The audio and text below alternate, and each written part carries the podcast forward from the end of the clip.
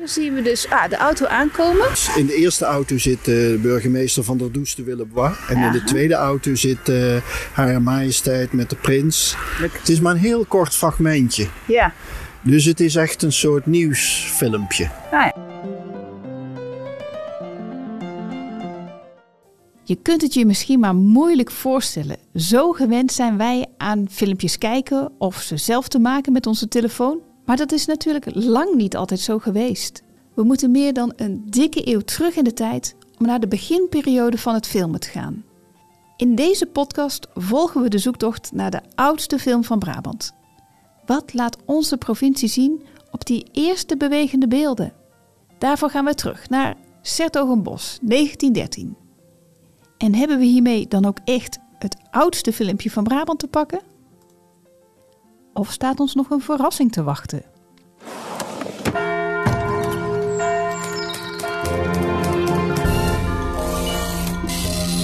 Je luistert naar het geheugen van Brabant.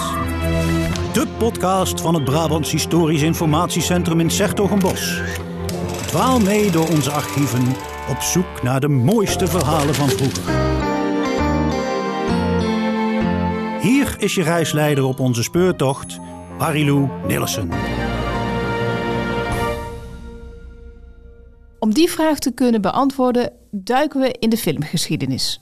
En dat doe ik samen met mijn collega Mathilde van Brabant in Beelden, die helemaal thuis is in de wereld van filmspoelen en 8 mm films en de historie van Brabant. En ook met Jacques Biemans van Erfgoed Sertogenbos. Je hoorde hem net al even, want hij neemt ons mee terug naar precies die plek waar de oudste film is geschoten. En dat is in Hartje den Bos. Goedemorgen. Hoe is het? Ja, goed. Ben je er klaar voor? Ik wel, en jij? Bent keurig op tijd? We gaan het zien. Ja. Kun je het je situeren? Of nee, nog niet, niet helemaal. Dus moet, Oké. je moet me even helpen. Ja. We staan hier op de hoek van de Hekelaan en de Nachtegaalslaantje. Ja. Bij wat heet de militaire rijbaan, oftewel de manege. Als je in Den Bosch bent, in het centrum, dan zie je vanzelf de Sint-Jan. Als je nou vanuit daar de parade schuin oversteekt en loopt richting het natuurgebied, het Bosbroek, dan kom je als vanzelf op de hoek van het Nachtegaalslaantje en de Hekelaan. En dan zie je daar ook een stenen gebouwtje, niet heel groot, met een puntdak. En boven de toegangsdeur staat militaire rijbaan. Daar moeten we zijn. Als we daar nu hadden gestaan, op maandag 14 juli 1913, dan hadden precies daar de auto's van koningin Wilhelmina om de hoek zien aankomen rijden. De oudst bewegende beelden van Brabant tot nu toe. Grappig hè, Ja, dat mooi. het hier allemaal was. Ja. Zullen we het filmpje er eens bij pakken? Ja. Wil je deze even vasthouden? Ja.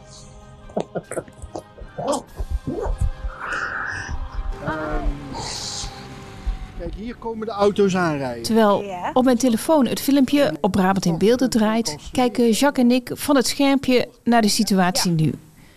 Die niet eens zo heel veel is veranderd, behalve dat het autoverkeer enorm is toegenomen. Maar dat had je zelf vast ook gehoord. Dan zetten ze achteruit terug. Zien we dus ah, de auto aankomen. Ongeveer waar nu die auto komt. Ah ja.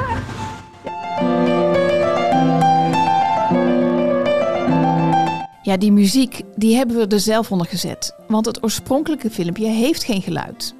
En hoe het dan klonk toen de film in 1913 zelf werd afgedraaid, daarvoor ga ik langs bij mijn collega Joost. Joost is collectiebeheerder van onze foto's en films en audio. En zijn werkkamer lijkt soms op een ouderwetse bioscoop. Daar staat ook een dergelijke filmprojector. Film gaat hierop en eh, dit is de opwindspoel. Daar gaat hij, eh, hè, dan wordt hij door de, door de machine heen, door de projector heen geleid. En dan wordt hij hier opgedraaid, zeg maar. En dan wordt het door het lampje hier, door de lens wordt hij daar. Nou ja, toevallig nou op een blauwe krat, maar eh, je kunt zelfs wel zien wat het ongeveer is. Dan kon je hier op vakantie mee, vakantiefilmpjes maken, achter in de tuin, dat soort dingen. Ja. Van alles wat. Als hij vastloopt, dat, dat herken je vast wel, dan, eh, hè, dan kan die doorbranden. Als je er niet bij bent. Dus dan moet je wel, je kunt niet even naar de wc gaan of even wat, eh, wat anders gaan doen. Want dan kan het zijn dat hij vastloopt door dat een radartje niet goed werkt of whatever. Dadelijk vertelt Mathilde meer over die beginperiode van het filmen en hoe bijzonder het is dat juist dit filmpje bewaard is gebleven. Maar nu nog eerst even terug naar wat die eerst bewegende beelden van Brabant laten zien. De film begint met een soort dia, zeg maar. Een tekst waarop staat... Sertogenbos, Hare Majesteit Koningin Wilhelmina en zijn koninklijke hoogheid Prins Hendrik bezoeken de tentoonstelling van kerkelijke kunst. En daarna begint de film echt, met een aantal wachtende militairen die in een bochtende straat wat lijken te drentelen. En dan verschijnt er al vrij snel een auto in beeld. Zo'n soort, ja, die me doet denken aan de auto's waarin Gust Vlater altijd reed, die, dat stripfiguurtje. En er rijden nog twee auto's erachter. Die zijn ogenschijnlijk precies hetzelfde. Ze stoppen en dan rijden ze weer een eindje achteruit. Ze rijden dan iets te ver door en zetten terug, zodat ze precies bij de ingang komen en daar stapt de koningin uit. Ja. Die krijgt aan het begin, denk ik, een uh, bosje bloemen. Ja. En dan zie je haar verder lopen hier de manege in. Je ziet dat er nog een heel mooi hek staat. Ja. En de tweede shot is een half uur later, wanneer ze de tentoonstelling heeft bezocht. En die tentoonstelling vond plaats in het kader van 100 jaar onafhankelijkheid. 1813 waren de Fransen eigenlijk verdwenen en begon de opbouw naar het Koninkrijk der Nederlanden. En dat werd gevierd in 1913 met een heel groot nationaal uh, comité. Dat heette Plan 1913. En de voornamere plaatsen in Nederland werden geacht om iets te doen. En in veel gevallen was het een tentoonstelling. En Den Bosch koos ervoor om een kerkelijke tentoonstelling te maken. Een tentoonstelling voor kerkelijke kunst. Gek idee om precies weer op die plek te staan waar ook Wilhelmina aankwam. Maar dan 110 jaar later. Ik vraag aan mijn collega Mathilde hoe we weten dat dit het alleroudste filmpje is. De alleroudste is van uh, juli uh, 1913. Er zijn eigenlijk twee films uit juli 1913. Oh. Ja, de, de iets recentere, die is in Helmond van de installatie van de burgemeester. En dan zie je heel veel uh, mensen op straat rondlopen. En dat is wel heel erg leuk aan die, aan die film. Maar twee weken eerder, op 14 juli, toen bezocht koningin Wilhelmina en prins Hendrik, die bezochten Den Bosch. Want die gingen daar op bezoek bij een tentoonstelling die vanwege dat 100 jaar koninkrijk hier georganiseerd werd. En de film die hiervan werd gemaakt is nu voor het voetlicht gekomen omdat Brabant in Beelden de afgelopen maanden een zoektocht is gestart naar die oudst bewegende beelden. En Brabant in Beelden, dat is het Brabantse foto- en filmarchief. Met op de website duizenden oude films. En dan kun je denken van carnaval tot Sinterklaas en van dorpsfilms tot filmpjes van verjaardagen of uitstapjes naar de Efteling. En Mathilde is een van die drijvende krachten hierachter. Ik ben daar heel druk mee bezig geweest. Uh, samen met een hoop andere mensen, gelukkig ook hoor. Ja. Uh, en zelfs ook uh, met heel veel mensen die op onze website komen of ons volgen via sociale media bijvoorbeeld. Want wat we hebben gedaan is ongeveer een half jaar geleden hebben we een oproep gedaan. Waarbij we eigenlijk iedereen hebben gevraagd om ons te tippen over films uit Brabant, opgenomen in Brabant van voor de Tweede Wereldoorlog. En uh, die oproep was heel breed. Mhm. Mm -hmm. uh, en de reacties komen dan ook uit allerlei uh, hoeken. Dus ja, gewoon mensen die het leuk vinden om naar oude films te kijken. Maar ook allerlei collega's van ons eigenlijk, van andere archieven. Die hebben ook doorgegeven wat hun oudste film was. En dat brengt ons terug naar die oudste film uit 1913. Terug naar de Hekelaan. Vlakbij de militaire rijbaan. Waar Jacques het filmpje verder toelicht. Ja. Het grappige is dat ik onder andere ook heb gevonden dat ze hebben heel veel moeten doen om dit te, te organiseren. Dit was heel groot voor Den Bosch. En ze hebben onder andere de politieverordening moeten aanpassen omdat er hier geen gemotoriseerd verkeer mocht komen. En dat moest dus voor de hele periode van 7 juni tot 7 september of zo. Oh, oké. Okay. Hebben ze de politie, hebben ze de politieverordening aangepast en um, mocht er dus uh, verkeer komen. Je ziet hier de auto's aankomen. Ja. Dit is helemaal nog begroeid. Er staat een hek voor, dus je ziet het niet goed. Maar de koningin en de, en de prins die gaan uh, de tentoonstelling binnen nadat ze een boeket bloemen hebben gekregen. En het tweede shot is een half uur later, wanneer ze de tentoonstelling heeft bezocht. En ze te voet, al knikkend naar het publiek, hier langs de manege afloopt, het nachtegaalslaantje in in de richting van het casino.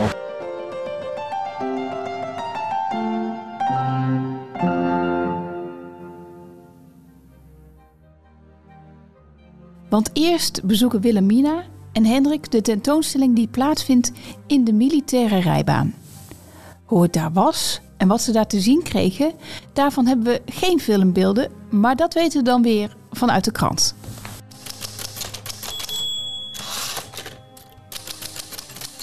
Nationale tentoonstelling van oude kerkelijke kunst te Sertogenbos. Waar voor enkele weken nog militaire commando's klonken, zullen over een paar dagen uitroepen van verrassing en bewondering worden gehoord. Waar voor kort nog ferme ruiters in wilden galop rondrenden, staan nu broze, ontzaglijke kostbaarheden en kunstwerken omsluitende glazen vitrines. Men herkent de militaire rijbaan niet meer. Door de inrijpoort binnentredende bevindt men zich in een klein, door zwaar asbest afgesloten vestibultje dat toegang geeft tot de grote expositiezaal.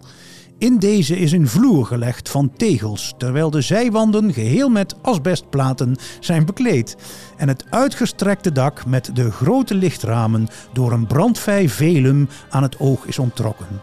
Het is er zeer licht en reeds onmiddellijk krijgt men er door de frisheid een aangename indruk. Ja, je hoort het goed. We zitten in 1913 en asbest wordt dan gezien als een geweldig bouwmateriaal. De krant lijkt dan ook vooral aandacht te hebben voor het gebouw. En daarnaast is er veel aandacht voor wat het koninklijk echtpaar nou precies draagt. Zo lezen we dat Hare Majesteit was gekleed in wit zijden geborduurd kant en een witte hoed waaromheen een grote prachtige heronveer. Om den hals had Hare Majesteit een kostbare parelsnoer, in de hand een wit satijnen parasol. Wat Hendrik droeg is kennelijk minder interessant, want daar staat kortweg: de prins was gekleed in een geklede jas met hoge hoed. En oh ja, een heron, dat is een reiger. En de veer daarvan, die zat dus op de hoed van de koningin. En ogenschijnlijk wordt tussen neus en lippen nog even gesproken over de kostbaarheden die het koninklijk echtpaar te zien krijgt. En we moeten dan ook flink bladeren door onze oude kranten, maar dan lezen we over een 14e eeuws geëmailleerde staf tot 16e eeuws zilverwerk. En met parelen en edelgesteenten bezette mijter van de bisschop van Sertogenbos. Dus dat is een indrukwekkende opsomming, maar in schril contrast tot de grootste plannen die er aanvankelijk op tafel lagen. Je moet je voorstellen dat Den Bosch enorm wilde uitpakken. En een hele grote expositie had gepland. Met tekeningen van nieuwe gebouwen midden op de parade, vol voorwerpen van oude en moderne kerkelijke kunst. Maar dat blijkt al snel allemaal veel te duur, zodat ze teruggaan naar de basis. Oude kerkelijke kunst tot 1800. Dat moet de eyecatcher worden voor Wilhelmina en haar echtgenoot. Uiteindelijk is het een samenbrenging van allerlei kunstschatten uit heel Nederland geweest, die dat tot een heel mooi succes hebben gemaakt. Want hou in je achterhoofd dat we in 1913 zitten. Op onze site van Brabants Dorpsleven tref ik een ansichtkaart aan uit dat jaar. Gemaakt op de markt in Den Bosch. Ja, het is een beeld van ot en zien van jongens met een pet op en klompen, uh, vrouwen met poffers. Een enkeling heeft een fiets. Ja, en auto's zijn er al helemaal weinig. Het was toch een provinciestad natuurlijk. Nog een stukje kleiner dan nu. Een stad van uh, ja, belangrijke mensen die aan de top zaten. Hè? De burgemeester heette Van der Does de Villebois. Uh, de mensen die bij de tentoonstelling betrokken waren, waren vaak van adel. Of hadden een, uh, een degelijke achtergrond, zeg maar, in het circuit. En uh, dat was echt iets van hoge heer in die tijd. En qua verkeer, ik denk dat onder andere de rijtuigen, de automobielen, zoals je daar echt van mag spreken. in die tijd echt wel eh, enig opzienbaar. Omdat er nog heel weinig auto's in die tijd waren. Ehm, de koningin en de prins die kwamen weliswaar met de trein aan van 9 uur 42 op het station der Staatsspoorwegen wordt er dan gezegd. Maar daar stonden twee auto's klaar, twee automobielen, die die morgen nog eh, waren aangevoerd. Ik denk uit Den Haag, ik denk dat het gewoon koninklijke rijtuigen waren. We hebben nu met AA hè, de, de kenteken. Ja. Ehm, maar de- dergelijke auto's zijn dat. En die zijn nog in de, in de autogarage van Van der Bruggen. Aan de havensingel zijn die nog extra gecontroleerd en eh, afgesteld. alles goed. Ja, ja, precies. En het was hier in feite een hele rustieke plek. Ja, we zitten hier eigenlijk bij het, plantsoen, zoals het genoemd werd. Of de casinotuin, zoals het nu ook nog steeds eigenlijk genoemd wordt. Naar het casino, hè, zeg maar de, eh, de Schouwburg van Den Bosch. eh, waar Vereniging Sociëteit Casino haar eh, home had. Maar dat gold echt ook als een, een, een eh, plek van samenkomst voor opvoeringen en dergelijke. En daar werd eh, eh, gekoppeld aan de tentoonstelling, de nationale tentoonstelling voor kerkelijke kunst, werd ook een, een mysteriespel opgevoerd uit het leven van Maria.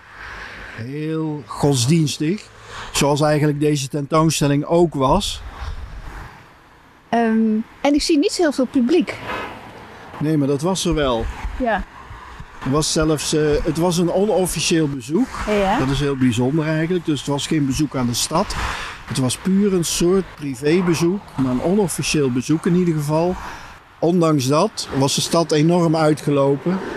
En werd er gevlacht en werd er op allerlei plekken gezongen door schoolkinderen. Eh, zoals eh, het oude, de oude zetting van het Wilhelmus, zoals dat dan genoemd werd. En Wie Ne- Nederlands bloed. Ja. Volksliederen, zeg maar. ja. ja. Dus het was echt wel een feest. Het was een feest en heel Den Bosch was uitgelopen. En de stad was vol met vlaggen. En de route was toch waarschijnlijk om die re- reden ook aangepast. Want ze zijn met een hele gekke bocht door de stad zijn ze hier terechtgekomen. Dus dat was echt wel om zich te laten zien, denk ah, ik. Ja. Ja, ja. Om te laten zien dat het koninklijke echtpaar hier eh, op bezoek was. Mhm. Ja. Ja.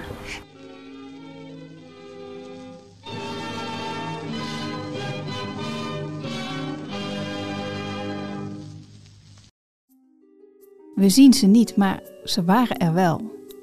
De bossenaren die enthousiast naar de nog jonge Wilhelmina zwaaien. De koningin is dan 33 jaar. Hendrik een paar jaar ouder. Niemand op die film leeft nog. En toch is dit moment heel dichtbij. Bijna tastbaar.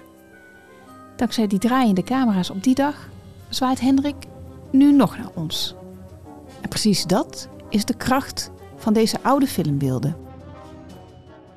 Maar dat de zoektocht verder gaat, wil zeggen dat jij vermoedt dat er nog ergens een oudere film ligt? Nou ja, er werd al eerder gefilmd. Dus rond 1900 werd er al gefilmd. Eh, natuurlijk niet zoveel als nu en ook niet zoveel als in de jaren na de oorlog. Maar er werd al wel, al wel wat gefilmd. En dat weten we onder andere uit de krantenberichten.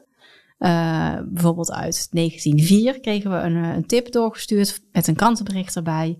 eh, over het uitgaan van de fabriek van Jurgens in Os. Ah. En het uitgaan van de kerk. Ik weet even niet meer welke kerk. Ehm, en in zo'n krantenbericht staat dan dat er gefilmd gaat worden, dat die filmopnames vertoond gaan worden, bijvoorbeeld op een kermis. Dus je weet dat zo'n film gemaakt is, maar die is waarschijnlijk verloren gegaan in de loop, eh, loop der jaren. Ja. Eh, maar het zou dus zomaar zo kunnen zijn dat er toch nog beelden u- opduiken die misschien nog wel tien jaar ouder zijn dan die eh, 1913. Want het waren dan altijd professionals, kan ik me zo voorstellen. Het waren altijd professionals, ja, Ja. ja. Want je had toen nog niet een small film, noemen ze dat. Dus dat is een kleiner formaat film eh, waarmee mensen ook thuis konden filmen. En waarvoor je ook een projector kon kopen waarmee je thuis die films kon eh, afspelen. Ja, het zelf filmen neemt dus toe vanaf de jaren 30 met die 8 mm filmpjes. Want daarmee konden mensen ook echt zelf filmpjes gaan maken. Als je het kon betalen, want het was voor velen veel te duur. Echt goedkoper wordt het vanaf de jaren 70 met de Super 8 films. Dan neemt ook het aantal filmpjes van verjaardagen, communies of vakanties enorm toe. Maar in de jaren 30 en 20 was het echt nog wel heel bijzonder om zo'n smal film uh, camera en projector te hebben. Dus films die je dan terugziet die van amateurs zijn, die niet door professionals zijn gemaakt, die laten toch vaak wel het gegoede leven zien. Oké. Uh, ja. Dus een hele hoop kinderen die spelen in een hele grote achtertuin Ja. of uh, villa's. Uh, dat soort filmopnames zijn het. Maar in de jaren 10, dus 1913, waar we het hier over hebben, toen had je echt alleen nog maar die grote filmrollen. Die werden vertoond in, in bioscopen. En die werden dan na vertoning niet per definitie goed opgeslagen. Ja, ze werden natuurlijk niet gemaakt om bewaard te blijven. Eigenlijk okay. net zoals wij nu, als wij een filmpje maken, dan maak je dat om te delen en om te laten zien. Uh, en omdat je dat leuk vindt. Maar niet per se om het te bewaren. En dat was toen eigenlijk niet anders. De allereerste films werden vertoond op kermissen. Je had toen nog geen bioscopen zoals we die nu kennen, gewoon in een stenen pand ergens in de straat. Maar dat waren reizende bioscopen. En zo'n kermisexploitant die uh, zo'n bioscoop exploiteerde, uh, die vertoonde dan een kinderfilm of een andere aangekochte film. En dan was het goed om ook lokale filmopnames te maken. Dus gewoon van de lokale mensen uitgaan van de fabriek, uh, de kerk die leegliep op de zondag. En die film dan te vertonen in zo'n uh, theater. In de hoop dat iedereen kwam kijken. Zodat iedereen kwam kijken en een kaartje zou kopen. Ja. Dus er zit gewoon een commerciële gedachte achter eigenlijk. Ja. Uh, dus de echte filmpioniers die uh, de eerste grotere films maakten die ook bewaard zijn gebleven bij bijvoorbeeld een AI Filmmuseum.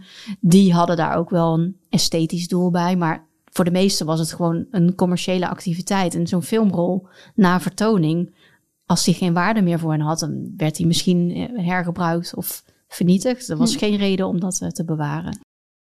Zelf was ik een tijdje terug ook helemaal enthousiast toen ik dacht een film te hebben gevonden die gemaakt is tijdens de rechtszaak over het vermoorde meisje Marietje Kessels in 1901. Maar al snel bleek, ja, de beschrijving ervan bestaat, maar de film zelf, die is vooralsnog spoorloos. Het laat ook maar weer zien hoe bijzonder het is dat die film uit 1913 wel bewaard is gebleven. Gemaakt door de gebroeders Pathé, die een aantal cineasten in dienst hadden om dit soort films te maken, vertelt Jacques mij. Precies op de locatie in Den Bosch waar deze mannen de film ook hebben opgenomen. Pathé Frères. En die, uh, ja, helemaal precies is het niet bekend. Maar we gaan ervan uit dat het al in het bioscoopjournaal is terechtgekomen in die tijd. Het is maar een heel kort fragmentje. Ja. Dus het is echt een soort nieuwsfilmpje. Nou ja. ja. En het feit dat daar uh, Haagse cineasten voor naar Den Bosch komen was toch wel bijzonder, denk ik. Dat geeft wel aan hoe belangrijk het was. Ja. Ja. ja. En ja, die Pathé Frères, hè, die gebroeders Pathé. Nou, die naam komt je waarschijnlijk wel bekend voor. Want die vind je ook vandaag de dag nog terug in 30 bioscopen in Nederland en meer dan 100 bioscopen wereldwijd. En dat zijn dan ook de makers van dit oudste filmpje uit Den Bosch. Maar is het echt een heel bijzondere film, Mathilde? Ja, je, ziet, je ziet weinig mensen. Je ziet eigenlijk ook weinig van de straat. Uh, en de kopie die wij hebben, dat soort oude films, die werden vaak gekopieerd. En die kopieën die, bleven dan bewaard. En het origineel niet altijd. De kopie die wij hebben, die is ook niet al te best. Uh, dus je moet maar aannemen dat het koningin Wilhelmina is. Uh, want echt onderscheiden kun je haar niet. Dus zijn de beelden spectaculair? Uh, ja, omdat het de alleroudste zijn van Brabant die we hebben gevonden. en nee, omdat er niet zo heel veel op te zien is. Nee. Het bijzondere van dergelijke films zit hem ook vaak in details. In kleine dingen die je maar net moet weten. Zoals Fons Alkemade.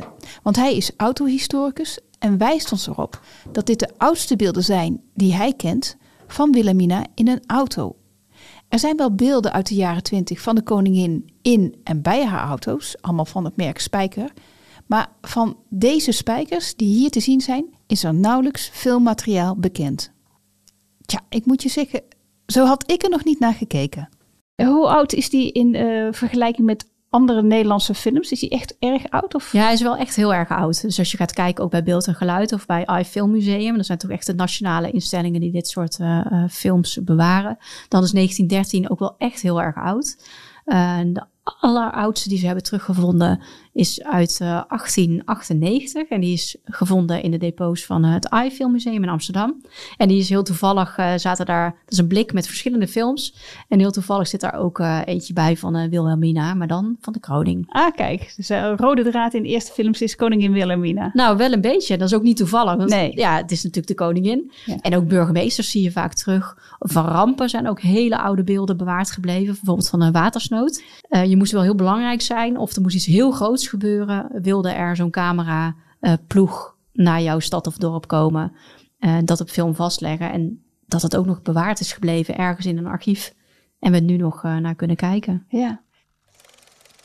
En deze films, de oudste uit Den Bosch, maar ook nog heel veel andere films, gemaakt op heel veel andere plekken, die kun je allemaal terugzien op brabantinbeelden.nl slash oudste film.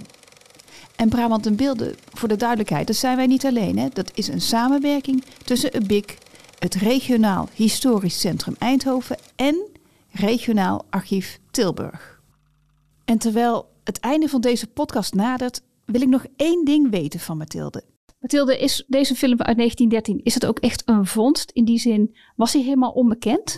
Nou, helemaal onbekend uh, was hij niet. En dat geldt voor de meeste van dit soort hele oude films. Uh, ze werden gemaakt voor de bioscopen, voor het nieuws. Uh, en die worden bewaard in allerlei nationale instellingen. Soms hebben lokale archieven ook een, een kopie liggen. Maar wat het is met dit soort films, je moet er echt naar op zoek gaan.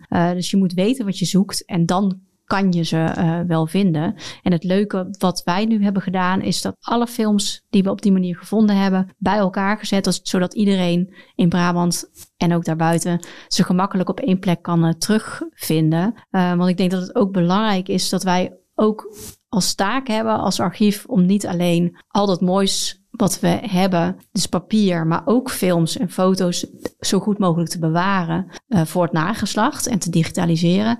Maar dat het ook onze taak is om ze te laten zien aan iedereen, zodat mensen er ook iets aan hebben nu uh, en daar ook hun eigen herinneringen of verhalen bij uh, kunnen zetten. Dit gesprek met Mathilde nam ik ongeveer een maandje geleden op. En nu, terwijl ik druk bezig ben om deze aflevering op tijd af te ronden, gaat mijn telefoon. Hey Marilou, ik kreeg uh, net een uh, mailtje binnen. Ja. Uh, en ik dacht, ik bel jou daar gelijk eventjes over. Ja. Want er is nou... En belt Mathilde mij met het nieuws dat... Dat hij een film... Nou, deze podcast in een ander daglicht gaat plaatsen. En zo Dit verhaal krijgt dus nog een staartje. De film uit een bos is helemaal niet de oudste film tot nu toe. en ben jij benieuwd waarover dat gaat? Luister dan over twee weken verder. Nou, tot nu toe was hij dat Dan wel. was hij dat wel, ja. Want, want waar ligt Ja, dat? maar ik ben bang dat wij ons het verhaal moeten herzien, ja.